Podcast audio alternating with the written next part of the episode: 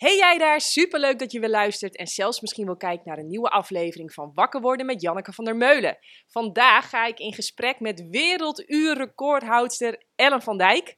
Maar voordat we gaan beginnen, eerst het volgende. Vind je het werk wat ik maak gaaf, bijvoorbeeld deze podcastshow? Ja, dan kun je financieel supporten door naar jannekevandermeulen.nl te gaan en dan te zoeken naar de knop doneren. Yes, dat gezegd hebbende, oh ja, iedereen die al doneert, echt duimpje omhoog. Het is zo leuk als er wat voor bedrag dan ook binnenkomt. Echt heel gaaf. Ehm, welkom Ellen. Dankjewel. Nou, wij hebben afgelopen week al een paar keer met elkaar gefietst. Een soort van in stilte. We hebben wat voorgesprekken gevoerd. Ja. mocht niet te diep gaan. Nee, mocht niet te diep gaan, want dan zeiden we... eh, Nee, nee, even toch weer kop over kop, want eh, ja, sparen voor deze podcastshow. Ik heb jou eh, in 2012 leren kennen. Eh, toen zat je bij Boels Dolmans, want voor de mensen die jou niet kennen, je houdt van fietsen. Ja, hard fietsen. Ja. Heel hard fietsen. Ja. Je bent op dit moment de regerend wereldkampioen tijdritfietsen. Ja. Je hebt het werelduurrecord op je naam. ja.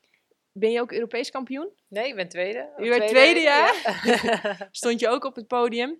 Eh, hoe vaak ben je al naar de Spelen geweest? Twee keer. Twee keer naar de Spelen. Londen en Rio. Ronde, ja, gaaf. En, ehm, nou, en daar wil ik het eigenlijk met je over hebben, want je zit al super lang in die topsport. Ehm, ja, ik, ik vind dat fascinerend, ook omdat ik nu aan mezelf merk wat het is om een oudere sporter te zijn.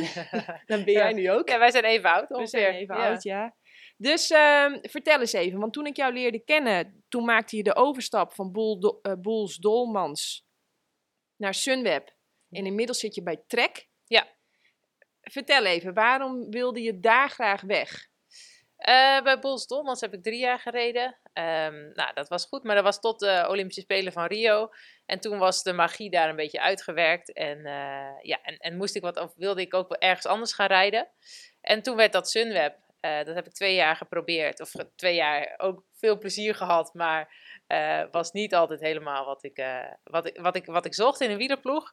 En toen kwam Trek met een nieuwe ploeg. En dat werd Trek Segafredo Women. En eh, daar ga ik nu voor het vijfde jaar rijden. En daar voel ik me als een, als een vis in het water. Wat, wat is dat, dat je, daar, dat je daar zo op je plek bent?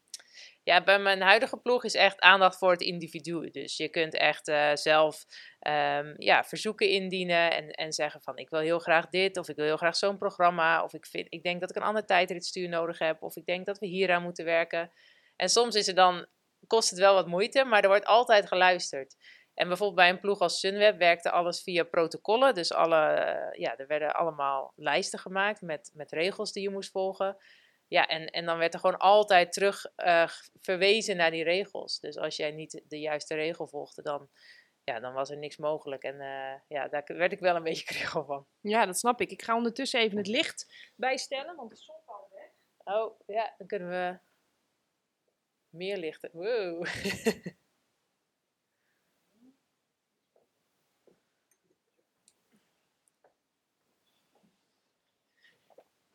Want ehm, het was wel leuk, eventjes een eh, lesje manifesteren.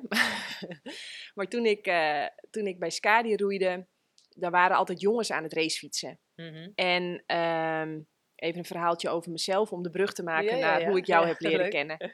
En toen ehm, had ik een mooie rie gekregen van mijn vader. Die moest je nog schakelen op het frame. Oh, ja, ja, ja. En dat, dat werkte niet. Nee. Dus ik zei tegen Pieter Rom Koolthof van ik wil graag een nieuwe fiets. Dit is mijn budget. Wil jij een fiets voor me uitkiezen, zodat ik lekker kan fietsen? Nou, dat deed hij. Fiets gekocht. Hartstikke blij met dat ding. Een of ander Italiaans fietsje. En ik zat echt eh, heerlijk ja, op dat ding.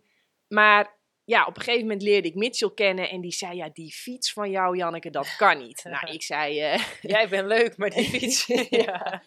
maar ja, ik had zoiets van, eh, ja, het gaat erom dat ik train en dat ik trap en beter op een slechte fiets. Hele goede training, denk ik. Want dan heb je een betere training dan op een superfiets. Ja. Eh, en ik zei daarnaast, de fiets die ik wil, dat is nogal hoog gegrepen. Want ik wil precies die fiets in die kleur.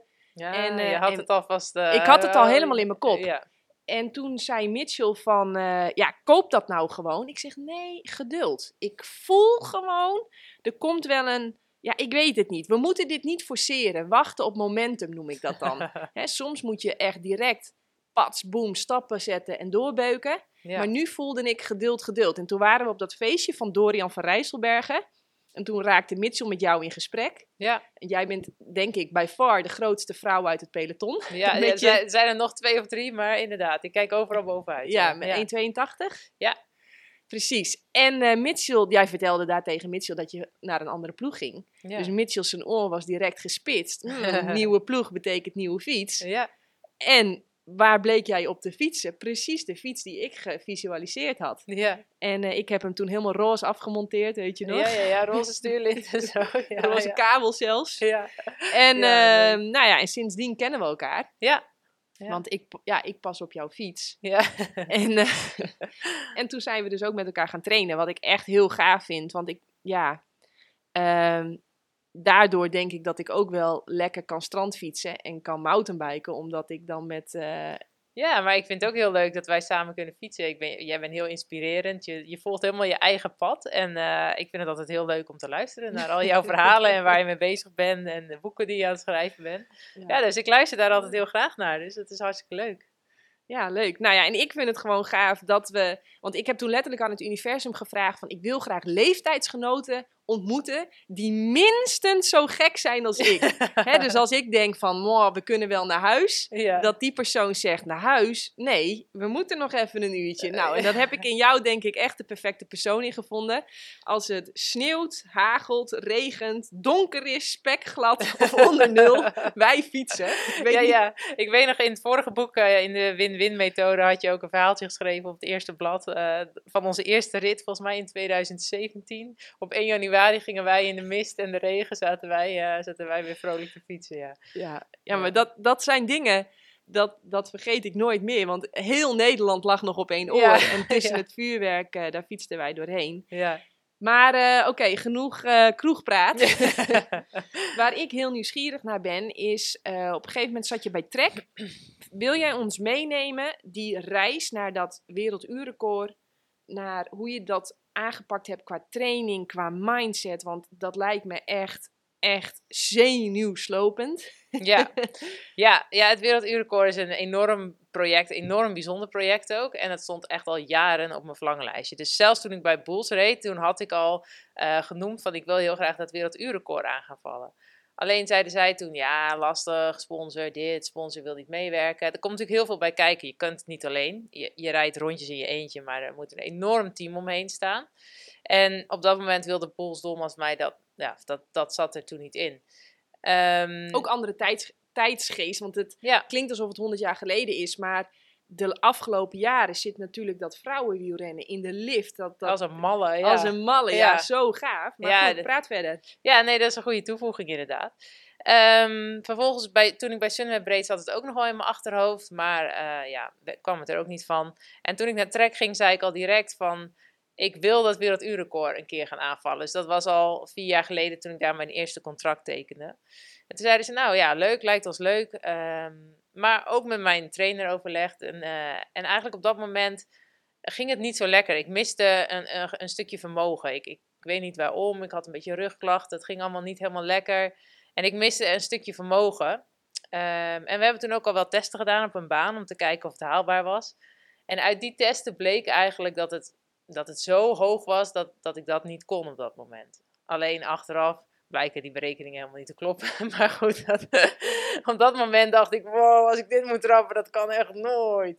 Dus dat was best wel even een setback natuurlijk. Dat ik dacht, Oh. ja, als ik dit, dit, dit eh, kan ik misschien eh 15, 20 minuten, maar nooit een uur. Dus dat, eh, toen had ik het weer even op een, eh, op een zijspoor gezet. Ehm, Wacht even, wacht even. Er zaten fouten in de formule, waardoor jij bijna je droom uit je hoofd had gezet. ja, eigenlijk wel. Ja, of in ieder geval, er Hoe werden... kwamen jullie daarachter uiteindelijk? Nou, vooral door te kijken wie het werelduurrecord op dat moment had. En dan gewoon logisch na te denken. En te denken, ja, maar zij kan nooit zoveel vermogen trappen in één uur. eh, dat ze zoveel, zoveel harder kan. Eh, dus eigenlijk meer, eh, ja, gewoon logisch nadenken als, als dat je echt op die formule afgaat. Want daar wordt dan een andere baan in meegenomen, een andere temperatuur, dat soort zaken. Dus, dus er werden Andere gewoon heel veel. luchtdruk, ook belangrijk altijd. Ja, dus dat, wordt er wel in- dat werd er wel in meegenomen, maar niet op de juiste manier. Waardoor, ja, waardoor de formule gewoon totaal anders uitkwam eigenlijk. Ja, Jij praat even door. oké. nog eventjes Aan het licht werken. aan het licht werken. Ja. Nou goed, dus ik ging naar Trek en ehm, nou, eerst twee, drie jaar eh, niet aan het werelduurrecord gewerkt. En uiteindelijk het laatste jaar, toen, ehm, of laatste jaar, afgelopen jaar, toen ehm, behaalde ik mijn supergrote droom om eindelijk nog een keer wereldkampioen tijdrijden te worden. Dat was vorig jaar gelukt, na ehm, acht jaar. Dat heb ik acht jaar over gedaan. Ik werd de eerste keer wereldkampioen in 2013. En toen had ik voor mezelf zoiets, ik moet en ik zal dit bewijzen dat ik dit nog een keer kan. En dat waren acht jaar, ook wel vol frustratie en eh, veel gedoe. Maar dat was vorig jaar dus gelukt. En eh, ja, dat was zo'n zo'n ehm, ja, eh, opluchting eigenlijk. Ja, dat ik dacht, ja, nu heb ik nog één droom echt over op mijn lijstje. Of één hele grote droom, en dat is het werelduurrecord. En toen dacht ik, ik kan nu ook naar de sponsor gaan en zeggen: Jongens, ik ben nu de snelste van de wereld. dus in principe, op papier zou ik het werelduurrecord aan moeten kunnen. Ehm, en dan ben ik in eh, december ben ik be- begonnen te praten bij de ploeg en toen werden ze enthousiast. En vanaf daar zijn wij, eh, zijn wij het, eh, het project aangegaan. Maar goed, toen werd het dus echt. Dus dat was ook wel even spannend natuurlijk. Ja, toen dacht ik, oh ja, nou is er ook geen weg terug meer. Nu moet ik echt in mijn eentje dat uur, uur gaan volbrengen. Dus ja, dat, wa- dat was een enorme uitdaging. Maar neem mij nog even mee, hè? want jij zegt, jij zegt eh, 2013 werd ik voor het eerst wereldkampioen tijdrijden. Overkwam je dat een beetje? Ehm, het overkwam me niet, want ik was al dat hele jaar wel de beste. En ik dacht, en ik werkte enorm toe naar dat, eh, naar dat tijdrijden. Dus ik dacht, als ik hier wereldkampioen kan worden, dat is echt, nou, dan, eh, ja, dan ben ik het vrouwtje, weet je. Wat moet ik nog meer in mijn leven dan? Dan is het klaar. en Ehm, en, wat, en wat, wat bleek toen in de realiteit? ja, Neem ons even mee, want je staat aan die start. Ja. Hè, jullie worden omste beurt, worden jullie als het ware afgeschoten. Ja. En dan moet je zo snel mogelijk een bepaald parcours fietsen. En wie Ja. dan het snelst is, die, wordt, die wint. Ja, allemaal je eentje en de snelste tijd die, die wint Ja. gewoon. Ehm, en, en ik weet nog dat ik voor die tijdrit echt enorm zenuwachtig was. Dat ik helemaal mijn ademhaling niet meer onder controle had. Want ik was het hele jaar al de beste geweest. Best wel ruim. Dus ik was ook topfavoriet. Dus ik moest daar op die dag laten zien dat ik dat weer was. En dat was de ultieme test. Dat moest, dat moest van jezelf. Dat moest van mezelf. Ja, Ja. en dat wilde ik heel, heel, heel graag. Ehm, ja, dus ik stond daar aan de start en ik weet nog, ik begon als een raket, veel te hard, want ik was zo enthousiast en ik wilde het zo graag laten zien. Ehm, dat was goed, want ik had ook na een kilometertje of elf de eerste tussentijd en toen had ik geloof ik, nou ja, 12 seconden voorsprong of zo. Dus ik dacht, oh ja, dat is wel goed. Maar tegelijkertijd dacht ik ook meteen, oh, als ik dat maar vol kan houden. Want ik, ik voelde ook wel dat ik een beetje stil viel. Dus ik was wel iets te enthousiast gestart. Maar uiteindelijk volgehouden en ehm, ja, dus wereldkampioen geworden daar. En toen dacht ik, nou, klaar, dat is het. Helemaal blij. Maar wat, wat is het dan? Wat zeg jij dan tegen jezelf? Want ik, ja, Ehm, nou, ik ben het vrouwtje, zeg je. Wat betekent dat? Ja, het is een beetje moeilijk te zeggen. Maar ik dacht gewoon, ik ging gewoon vol met oogkleppen op naar dat doel. En ik dacht gewoon, als ik dat haal, dat wereldkampioen zijn, wat wil je dan nog meer? Wat, dat, dat is waar ik het allemaal voor doe. En dan ja, tot daar en niet verder. Ik had nog geen seconde nagedacht over de dag erna of, of het uur erna of wat dan ook. Alles ging tot op die tijdrit. Ja, en dan eh, eerst overkomen je allemaal hele leuke dingen. Dus huldigingen en heel veel aandacht, foto's, media, de hele reutemeteut. Ehm ja, en de volgende ochtend werd ik wakker en toen dacht ik, ja, oh ja, wereldkampioen. en toen dacht ik, nou, is dit het nou? ja, want ik had niet meer dat doel waar ik elke dag als een jekko naartoe werkte. Dus ik dacht, ja, eh, oh, ja, en nu dan? Ja, ja ik voelde me er helemaal niet zo, eh, niet zo heel relaxed bij eigenlijk. Ik dacht, ja, ja die aandacht, ja, dat is heel even leuk, maar vervolgens verandert er niks natuurlijk. Je krijgt aandacht van mensen die je niet kent en dat is leuk, maar vervolgens, ja, zit je daar nog steeds met jezelfde ik. Ehm, en en eh, nou, in die hele winter kreeg, had ik allerlei leuke dingen Maar te hoe, doen wacht ook. even, ho, ho, ho, ho, ho, ho, ho. Je komt erachter. Nou ja, dit is, dit is aandacht van mensen die je niet kent. Wat, wat zeg jij tegen jezelf dat je toch weer je bed uitkomt en die fiets weer opstapt? En wat ga je doen? Hoe, hoe heb jij jezelf bij de kladden gegrepen?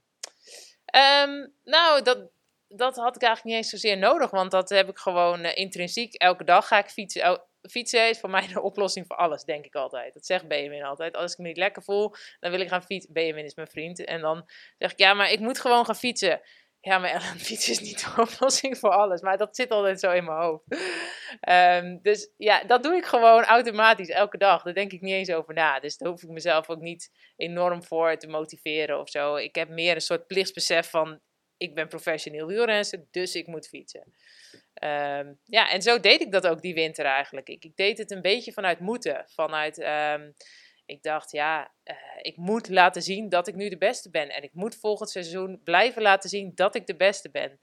Want uh, anders? Wat zou er dan, anders gebeuren? Ja, dan, dan faalde ik voor mijn idee. En dan was ik, was ik het niet waard om die wereldkampioen te zijn die ik, uh, die ik ja, die wereldkampioen trui te dragen. Het was ook zo erg dat ik in trainingen op een gegeven moment niet meer die WK-trui aandurfde omdat uh, ik dacht, ja, als mensen me dan zien fietsen, dan denken ze dat ik echt altijd hard fiets. Maar ja, ik fiets niet altijd hard, ook niet in training. en ik, uh, ja, ik had daar echt moeite mee. Met die druk die, die bij die trui hoorde eigenlijk. Of bij dat beste van de wereld zijn. Um, ja, en vervolgens, um, ook die winter, bleef ik dus wel heel hard trainen. Maar merkte ik op een gegeven moment, uh, ging mijn lichaam uh, tegensputteren. Dus ik kreeg last van mijn longen en ik, had, ik kreeg op een gegeven moment medicijnen voor bronchitis en weet ik wat allemaal. Maar ik zat gewoon helemaal niet lekker in mijn vel. Dus um, ja, ik weet nog dat ik dat op een gegeven moment echt in die winter begon te beseffen van... Ja, ik, ik heb nu dus bereikt wat ik zo graag wilde, maar ik voel me helemaal niet gelukkig. Want dat had ik niet helemaal meteen de dag na die WK-titel door. Maar dat, dat, dat, dat uh, zijpelde langzaam binnen. En, uh, Daar kom je dan, als je dan door die polder, hè, door onze achtertuin heen fietst. Ja. En die zon komt op en die dauw staat zo op die weilanden, hè, zoals we afgelopen week hadden. Ja. Dan komen dat soort inzichten. Als Nou. je met jezelf bent, alleen bent, of heb je daar een coach voor nodig? Wat, hoe gaat dat? Nee, vooral als ik alleen ben, ja. En, en, en vooral als ik dan merk dat ik gewoon niet meer zo enthousiast word van hele mooie dingen die ik daarvoor wel heel mooi vond. Eh, en, en, en continu een soort druk voelen van ik moet dit en ik moet dat. En als ik dat niet doe, dan gaat het niet goed. Of dan, um, dan ben ik het niet waard. Of dan is het niet voldoende. En ehm, ja, en dat moeten, dat heb ik nog steeds een beetje. Het zit ook in mijn karakter, denk ik. Dat, uh, ik heb van, vanuit mijn opvoeding meegekregen dat je altijd hard moet werken als je ergens uh, succes voor wilt. Dat heb ik heel goed in me opgeslagen, soms iets te goed. En ik denk ook dat ik daar heel veel in ben bevestigd in mijn leven als, als wielrenster. Als je veel hard traint, dan um, heb je grote kans op succes. Als je daar het juiste talent bij hebt. En ja, die mazzel heb ik. En als je dat dan een aantal keer bevestigd krijgt, dan, dan wordt die overtuiging nog sterker natuurlijk. Ja. ja. Maar goed, uh, bronchitis, je lichaam begint te sputteren. Uh, je voelt dat je dat enthousiasme, het wordt vooral moeten in plaats van willen en spelen, zeg ja, maar. Zo vul precies. ik dat dan even ja, in. Klopt. Wat, wat, wat, wat, uh, nou, neem ons eens mee. Want ja, de volgende wereldtitel laat acht jaar op zich wachten. Precies, ja, acht jaar. Ja, dus ik zal alle details besparen, maar... Uh, nou, ja. nou ja, ik denk wel dat het interessant is om even mee te nemen, want je bent nog een paar keer hard tegen de vloer gegaan. Ja, dat uh, hoort ook bij wielrennen, ja. ja. Dat hoort erbij, maar goed, ja. je krabbelt wel weer op, je herstelt daar weer van. Uh, ja. ja. Hoe gaat zoiets? En hoe hou je... Ja, je hebt toch in die, iedere keer hou je een soort van spirit en zin en moed en drive. Ja, ja, inderdaad. Um, nou, ik merkte dat seizoen dus dat het niet lekker met me ging. En ik dacht, nou, ik moet hulp zoeken, want ik kom hier in mijn eentje niet uit. Dus allereerst had ik het mijn uh, beste vrienden en mijn familie verteld. Dat vond ik prettig als mijn mensen die dichtbij me staan het wisten. Uh, vervolgens heb ik een sportpsycholoog gezocht en ben ik daar naartoe gegaan. Alleen daar vond ik niet echt wat ik zocht. Dat ging heel erg over visualiseren en voorbereiden. En waar gaat je, waar gaat je mind heen tijdens, tijdens de opdracht, tijdens het fietsen, et cetera. Maar, Kun je bij de taak blijven. Precies, ja, taakgericht blijven. uh, waar focus je op, bla bla bla. Ja. Maar ja, goed, dat, dat wist ik allemaal wel een beetje. Uh, dat was niet echt nieuw voor me. En ik, en ik zocht een diepere laag. Um, en toen ben ik uiteindelijk in contact gekomen met Marijn Zeeman. Uh, die is nu uh, performance manager bij Jumbo-Visma. En die is toen mijn coach geworden voor drie jaar hebben wij samengewerkt. En met hem ging ik... Hij was mijn trainer, dus hij schreef mijn schema's. Maar uh, dat was veel meer dan dat. Want met hem ja, ging, ik, ging ontdekken waar, waar, het vandaan komt dat ik me zo voel. Waarom ik zoveel moet van mezelf. wat er in me omgaat. En... ja, en, en toen ben ik uh, al mijn gedachten gaan opschrijven steeds. En uh, heb ik ook allemaal aan hem laten lezen. Dus ik heb me helemaal opengesteld eigenlijk. En eh, uiteindelijk heeft me, dat, eh, heeft me dat heel veel gebracht, ja. Wat bracht jou dat? Ehm, nou, ik weet nog dat het dus eh, in Rio de Janeiro op de Olympische Spelen was. in de tijdrit. En daar maakte ik een hele dure, vervelende fout. Ehm, na een kilometer of uh, 10, 15 reed ik de berm in op een, op een steile klim. waardoor ik van mijn fiets af moest en mijn fiets weer op moest. gewoon een stuurfout. Um, ja, en, en en ik weet nog dat ik me voor die tijdrit, ik, eh, voor, toen, ik me daar, toen ik daar naartoe ging, toen voelde ik me heel onzeker. En ik dacht, oh ben ik het wel waard om op de, op de Olympische Spelen te rijden hier? Want er zijn zoveel andere Nederlandse goede wielrensters. En is dit wel mijn plek? Um, en opeens, twee, drie dagen voor die tijdrit, dacht ik opeens van ja, maar ik ben hier. Ik heb me gewoon tot mijn best voorbereid. En ik ga, het hier gewoon, ik ga hier gewoon alles geven en ik zie het wel. En opeens voelde ik toen een soort vertrouwen. En het ging ook heel goed in die tijdrit. Uh, maar ja, totdat ik de berm in reed. en uh, goed, ik weer uit die berm op de fiets en weer verder. Maar toen was het dus nog ruim 10 kilometer. En ja, normaal gesproken denk ik dat ik twee jaar geleden, eh, twee jaar daarvoor had gedacht van nou, laat ik maar. Ik ga nu, ja, ik, dit heeft geen zin, zin meer. Nee, het is nu over. Ja, wat doe ik hier nog? Maar nu kon ik echt mijn mind weer omzetten en dan ging ik echt denken van, ja, maar misschien rijdt de favoriet ook wel, uh, valt hij wel in deze afdaling of, uh, of gebeurt er wat anders? En, uh, en als ik dan een negatieve gedachte had, dan, dan, dan ademde, ademde ik hem letterlijk weg, zeg maar. En dan en ging ik weer verder. Dus ik had ook echt een supergoed tweede gedeelte van, uh, van die tijdrit. En uiteindelijk reed ik een hele goede tijdrit. Waar ik vierde mee werd. Maar, uh, Ongelooflijk. Ja, ja, zonder die uh, stuurfout ja, was het goud of zilver geweest. Dus dat natuurlijk was ik enorm teleurgesteld. Maar het deed me wel meteen beseffen van ja, maar dit proces wat ik nu heb doorgemaakt en hoe ik hiermee omga, dat, dat is me wel uiteindelijk nog veel meer waard. Hoe ik er nu in sta. Ja, dus dat was wel heel mooi. Ja. Nou, 2016. We moeten nog een paar jaar wachten. Ja, ja, ja joh. Dus dat was 2016. Nou, vervolgens... Uh, maar, dat, maar even wachten, we moeten er inderdaad wel even langer bij stilstaan.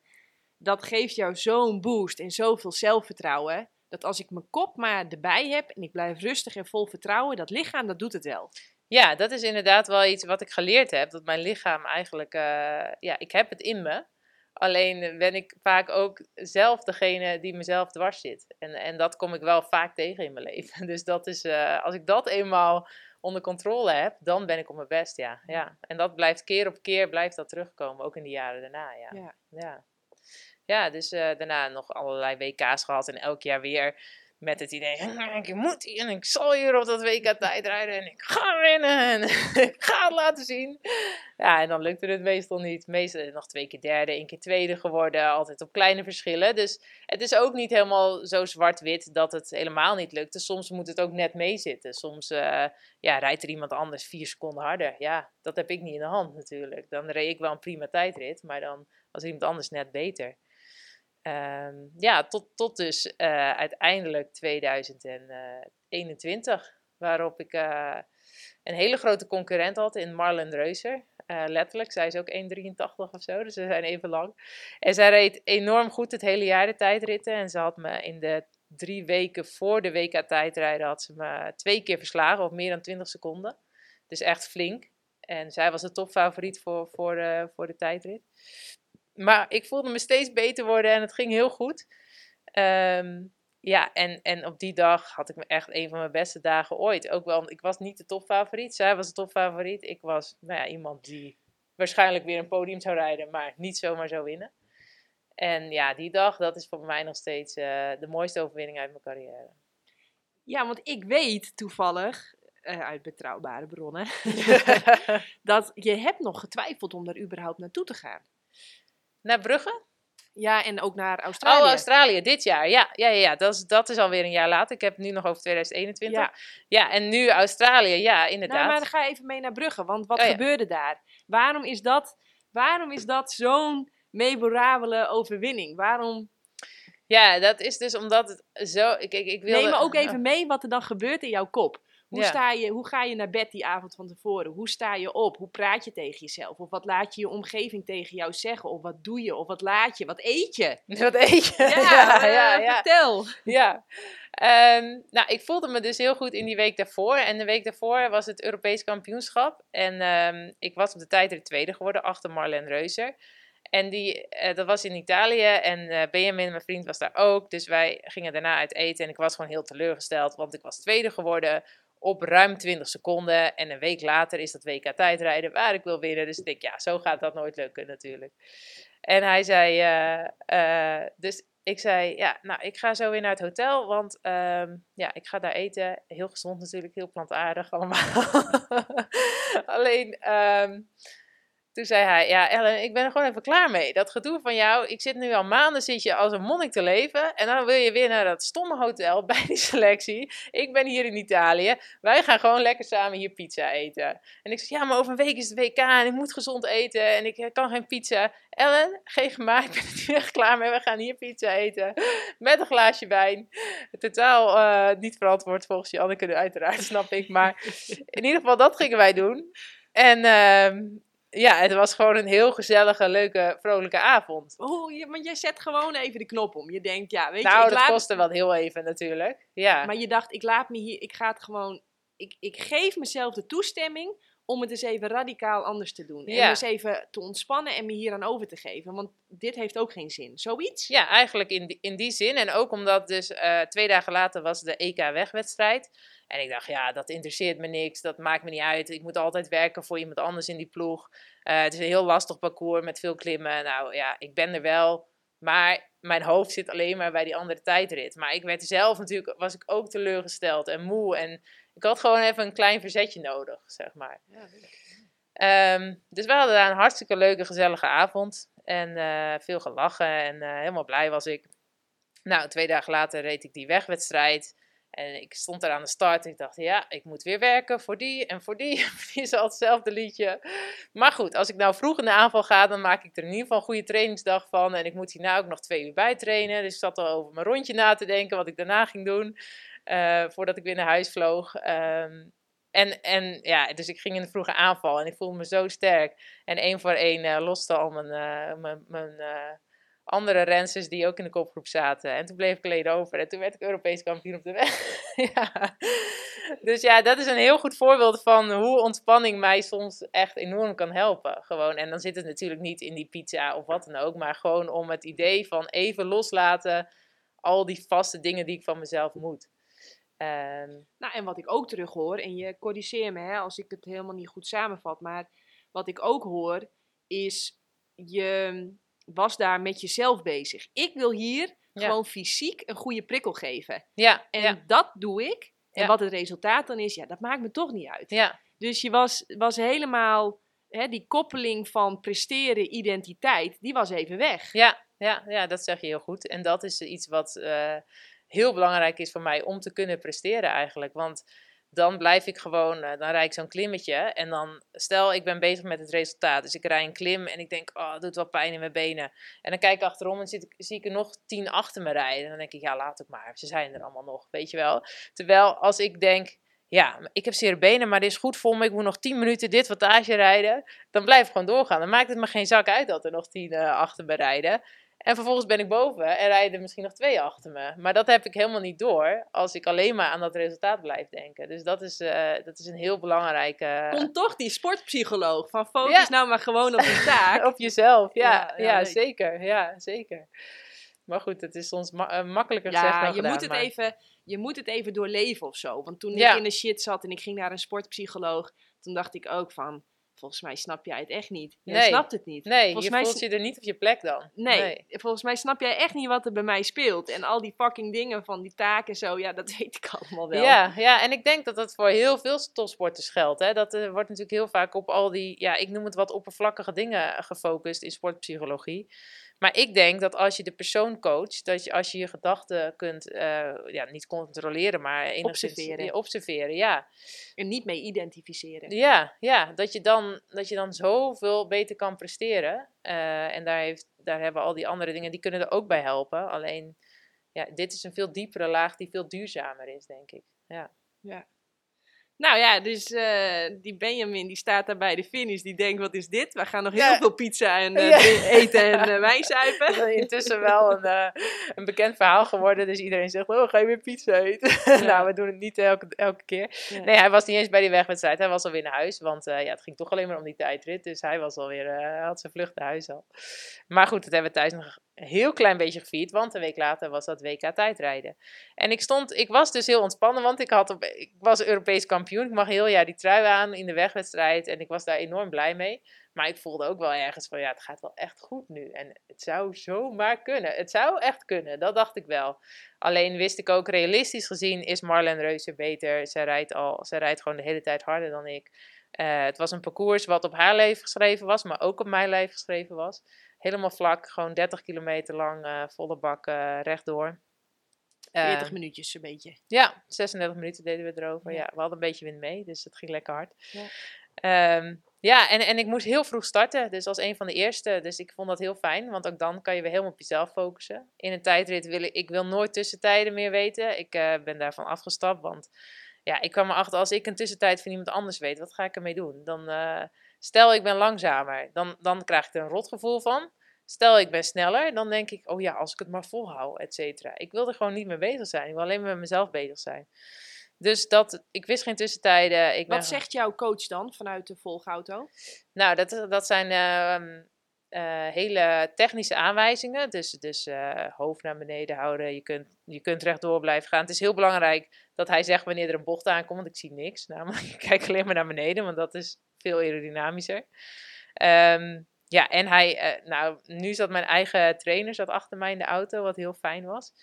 En hij gaf echt aanwijzingen als, Helen, nu moeten we echt vechten. Dit stuk is het zwaar, dit is even heel zwaar, maar deze kilometer doe je net of je een klim oprijdt. En daarna kan je weer heel even ademhalen. Maar ja, vervolgens zei hij dat nog zes keer achter elkaar. Toen dacht ik, hou je kop, man. en, eh, en in de finale, toen ehm, hadden we ook al wel doorgesproken. Dat, we dat, dat, ik, dat hij me dan eh, ging herinneren aan de mensen die echt heel dichtbij me staan. Dus dan zegt hij, eh, doe it for Benjamin, for your friends, for your family, for me and for yourself. Especially for yourself. Want hij heeft ook een filmpje ervan gemaakt, daar heb ik al tien keer teruggekeken. Dus ik kan dit allemaal dromen. Ehm, maar dat helpt me wel. Op de momenten dat ik het echt zwaar heb om dan te denken aan de mensen die er altijd voor mij zijn. En die me altijd helpen, no matter what, zeg maar.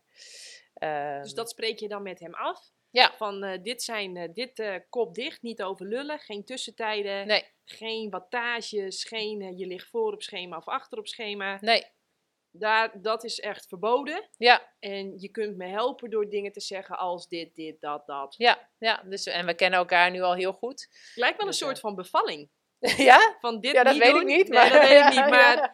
Nee, dat vind ik Nou ja, interessant. ik, ik had gewoon helemaal met Mitchell afgesproken van gewoon niet praten. Want dan ga je alleen maar in je kop zitten, terwijl het Ja. moet even in het lijf gebeuren. Ja, En eigenlijk moet ik gewoon ontspannen en vertrouwen op, eh, nou in, in bevallen, daar heb ik geen verstand van. Je Dus dat hoeft helemaal niet. Maar met roeien en fietsen, ja, we hebben het al zo honderdduizend keer gedaan. ja. Dat lijf, dat weet het wel. ja, Dus hoe minder we ons eigenlijk ermee bemoeien en hoe meer we gewoon blijven ademen, ja. ja, hoe beter het gaat. Ja, ja, zeker. En eh, in een tijdrit is, ja, is dat een, een bevalling lijkt me ook heel, heel lastig. En een tijdrit is daar heel specifiek in dat je natuurlijk, je bent alleen en je hebt geen concurrent om je heen. En je moet gewoon zo snel mogelijk van A naar B en je bent alleen met je gedachten. En je bent maximaal aan het afzien. En hoe ga je dat dan positief houden? Of in ieder geval, Ik zeg altijd, hoe word je comfortabel in het oncomfortabele? Want Ja. je weet gewoon, iedere wedstrijd, dat wordt weer een vrijwillige pijniging. ja, ja, Want het, ja, of je het nou wil of niet, soms doet het echt na drie seconden al pijn. ja, En soms word je gematst en doet het pas iets later pijn. Maar dat het pijn gaat doen, dat is een soort van zekerheidje. Ja, ja, ja, dat weet je. En, eh, en je weet ook dat je daar doorheen moet. Dus ik ga ook wel vaak eh, van tevoren mediteren en zo. Omdat ik dan weet dat ik met, met mezelf en mijn gedachten daar eh, eh, ja, samenkom. En dat wij het samen moeten redden, zeg maar. Eh, ja, en, da en dat, dat is natuurlijk... Ja, dat is Wat zeg je dan? Wat, doe je, wat zeg je dan? Wat doe je dan? Eh, in een tijdrit. Nou ja, in die meditatie en in die visualisatie. Eh, nou, vooral dat ik pijn wil voelen. Dus eh, niet bang ervoor zijn, maar echt omarmen. Ja. Dus, dus kijk, in het verleden dacht ik, oh, dat gaat pijn doen en dat wordt echt niet tof. En oh, wat een leidersweg. Maar als ik ga denken van, ja, maar als ik pijn ga voelen, dan ben ik op de goede weg. En hoe meer pijn ik kan voelen, hoe beter het is. En hoe meer ik kan verdragen, hoe harder ik ga en hoe beter ik ben dan, dan de rest eigenlijk. Ja, dan, eh, ja, als ik, als ik dat echt ga omarmen, dat gevoel van pijn, dan, dan kun je er ook mee omgaan. En alleen als, je het, als ik het accepteer, dan, dan, eh, ja, dan kan ik er doorheen trappen. Anders dan blijf ik steken. Dan, dan kom ik maar tot een bepaald niveau. Ja, mooi. Ik vind dit zo gaaf.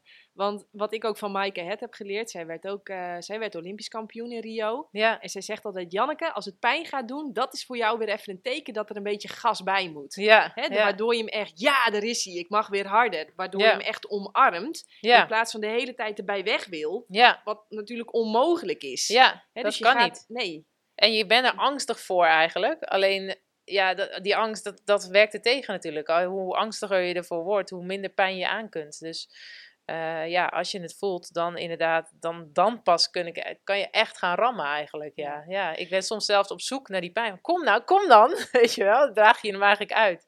En dat, eh, ja, dat werkt voor mij. Ja. Wauw. Ja, heel gaaf. Ik vind het echt eh, mooi wat je zegt.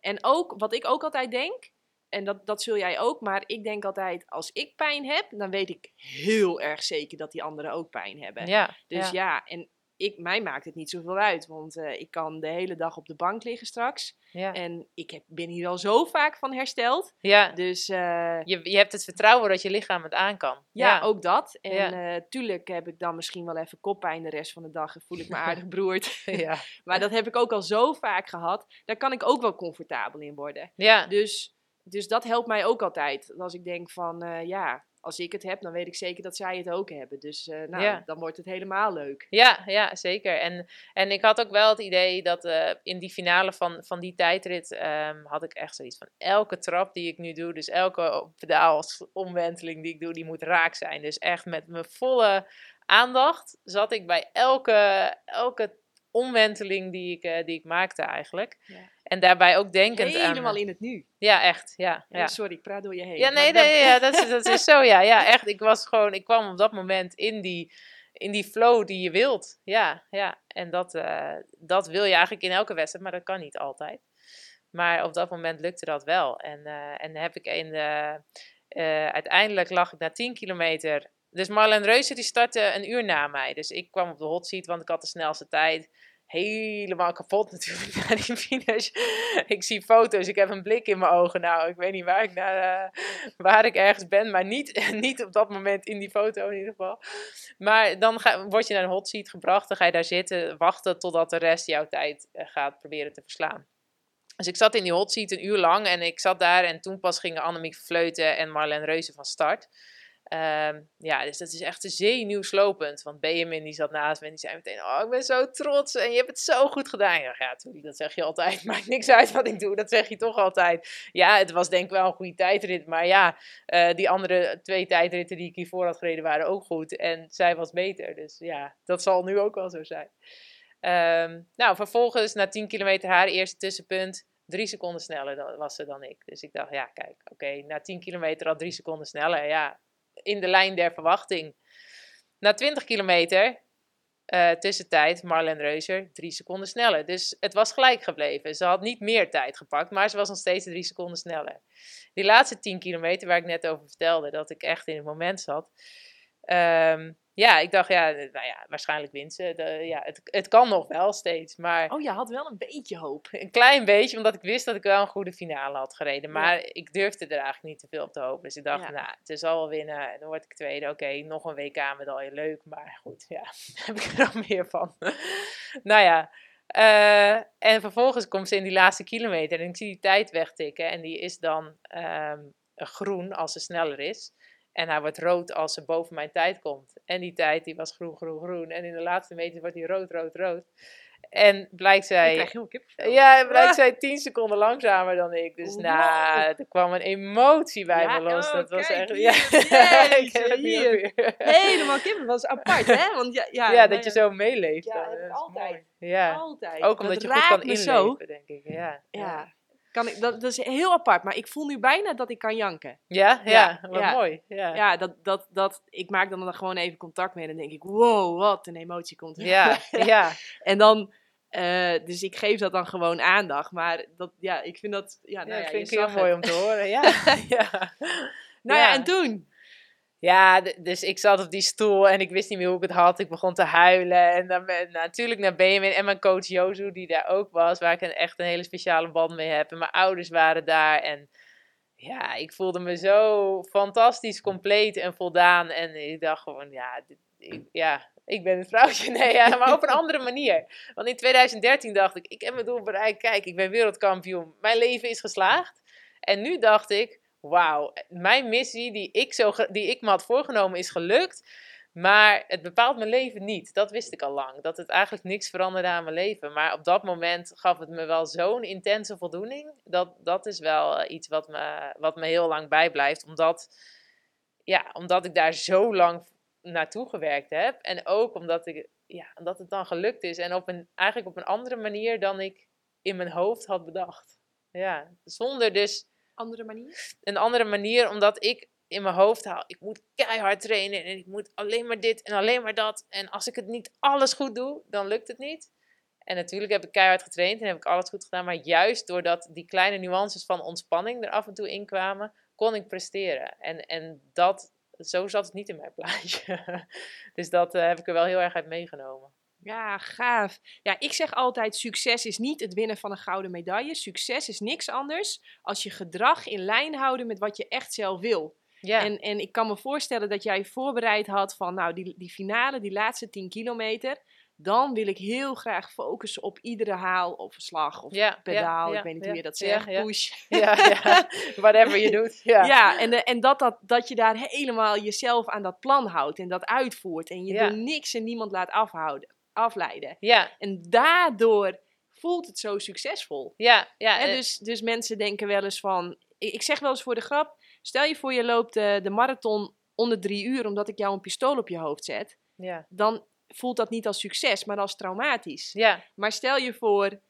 Jij loopt hem in 4 uur 10. Maar Ja. je hebt je wel helemaal aan je plan gehouden. Dan kom je echt zo over de finish. ja, ja. En ja. dat is het verschil. Dat hoor ik tenminste ook bij jou terug. Ja, zeker, zeker. Ja, het is als je. eh, en ik heb het daar ook wel eens bijvoorbeeld over met Benjamin. Want dan, ehm, ja, kijk, je hebt natuurlijk in, in, het wiel, in het wielrennen of in welke sport dan ook, er zijn ti- tientallen prijzen. Maar voor mij is dat tijdrijden het ultieme. Dat is echt helemaal waar ik gewoon, ja, dat is voor mij fantastisch. En daar, ga je, daar leef ik voor. Ja, leef ik voor, maar daar, daar zit al mijn passie in. Ja. Ik vind het in alle aspecten prachtig. Ehm, maar tijdrijden is, ja, zeg maar, heeft nooit zoveel aandacht als de wegwedstrijd. Waarin, zeg maar, als iemand wereldkampioen weg, in de wegwedstrijd wordt, heeft hij tien keer zoveel aandacht als degene in de tijdrit. Maar daar gaat het dus voor mij niet om, want voor mij zit alles in die tijdrit. En dat is waar ik mijn passie uithaal en waar ik me helemaal in mijn element voel. Dus eh, ja, dat is waar het voor mij om gaat. En dan maakt het me niks uit dat misschien in de wielersport de, de wegtitel hoger staat aangeschreven dan de tijdrittitel. Ik, ik haal hier mijn geluk uit. En, en daar gaat het om uiteindelijk. Ja, Ja. mooi. Nou, en toen op naar Australië. Op naar Australië, ja. Nou, tussendoor zeg even het werelduurrecord uh, Oh ja, gedaan, sorry. Nee, ja, dat maakt niet uit. Maar, is ook eh, zo. ja, is ja, ook zo. ja, we veel te bespreken.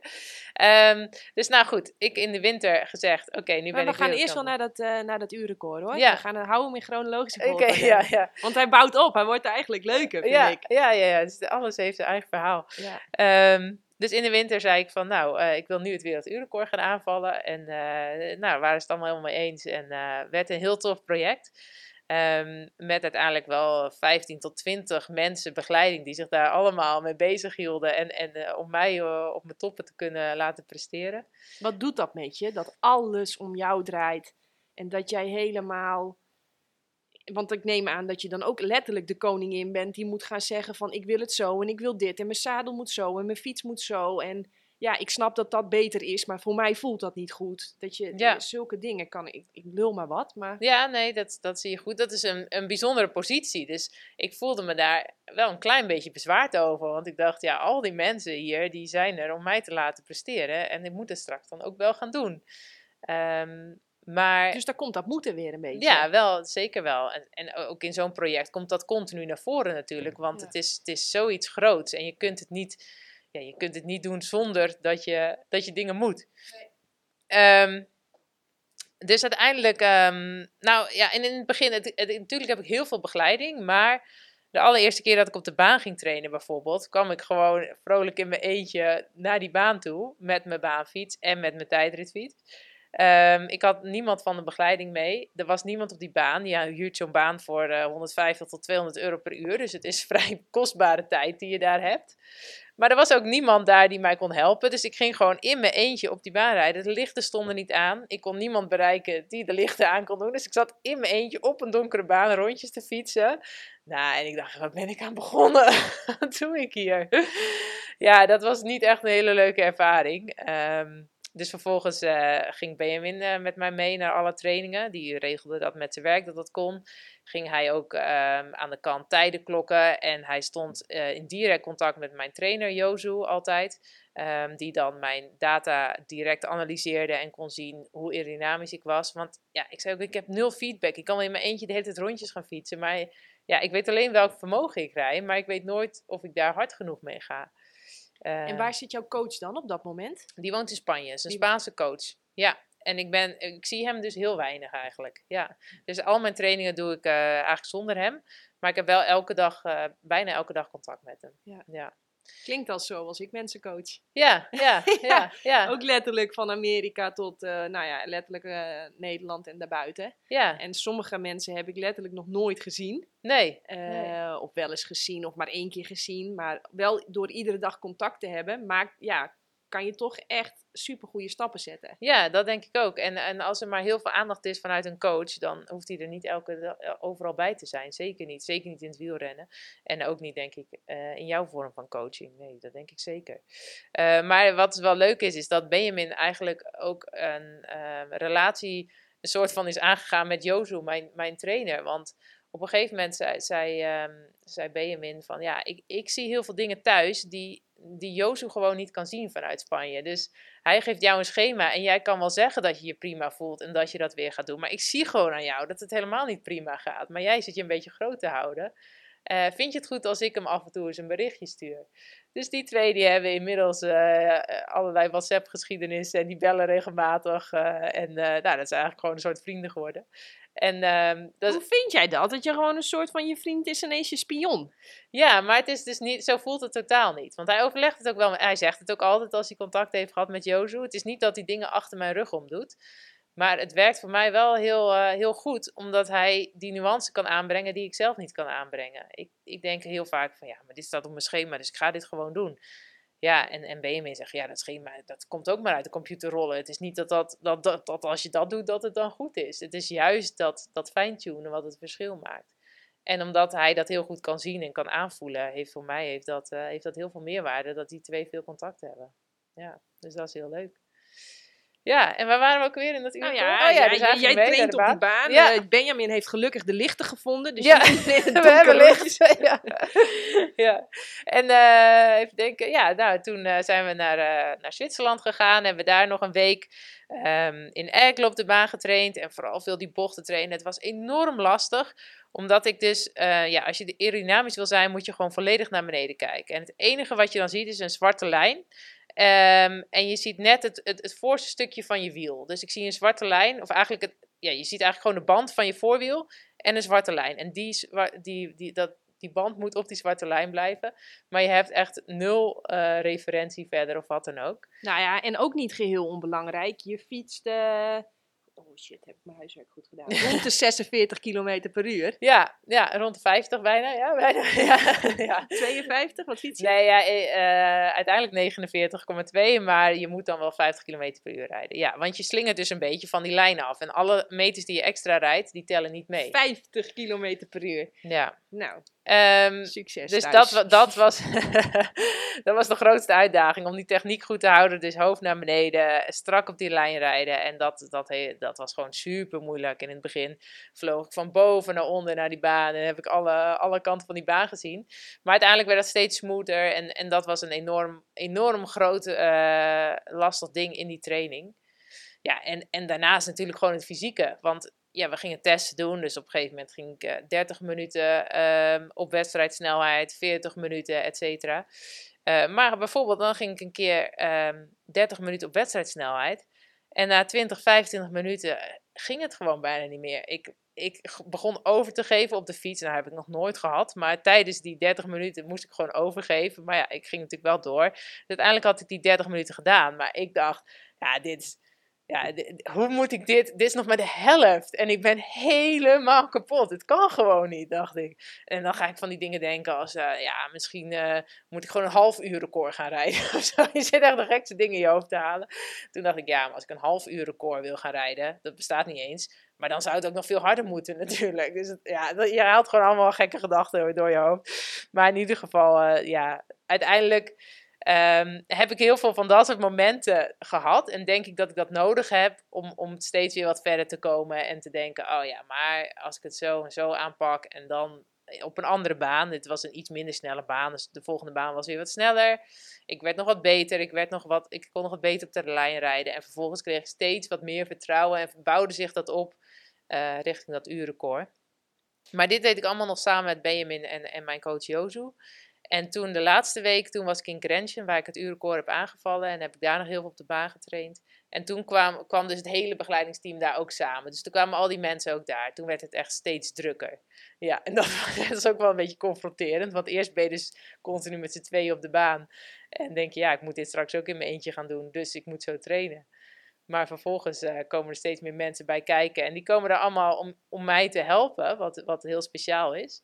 Uh, maar ook, uh, ja, ook druk geeft natuurlijk. Ja, ja dus uh, uiteindelijk gingen we de dag van, nou we hadden alles al 80 keer echt voorbereid en alles, alles voelde goed en alles ging goed. En ik wist wel, ik had al een keer in training, had ik het record al een keer gereden. Ja, dus ik wist, als ik dit hetzelfde doe, dan gaat het moeten kunnen lukken. En dat vertrouwen, dat hielp natuurlijk enorm. Ja. Je hebt, je hebt al twee keer een uur op dat 50 gefietst? Ja, ja eigenlijk wel. Ja, Wanneer was dat? Was dat? Het was op de donderdag voor uh, de recordpoging en de recordpoging was op maandag. Ja. Oh, dat je daar ook zo snel weer van bent hersteld. Ja, nou het idee was dus dat ik drie kwartier uh, echt op wedstrijdsnelheid zou rijden.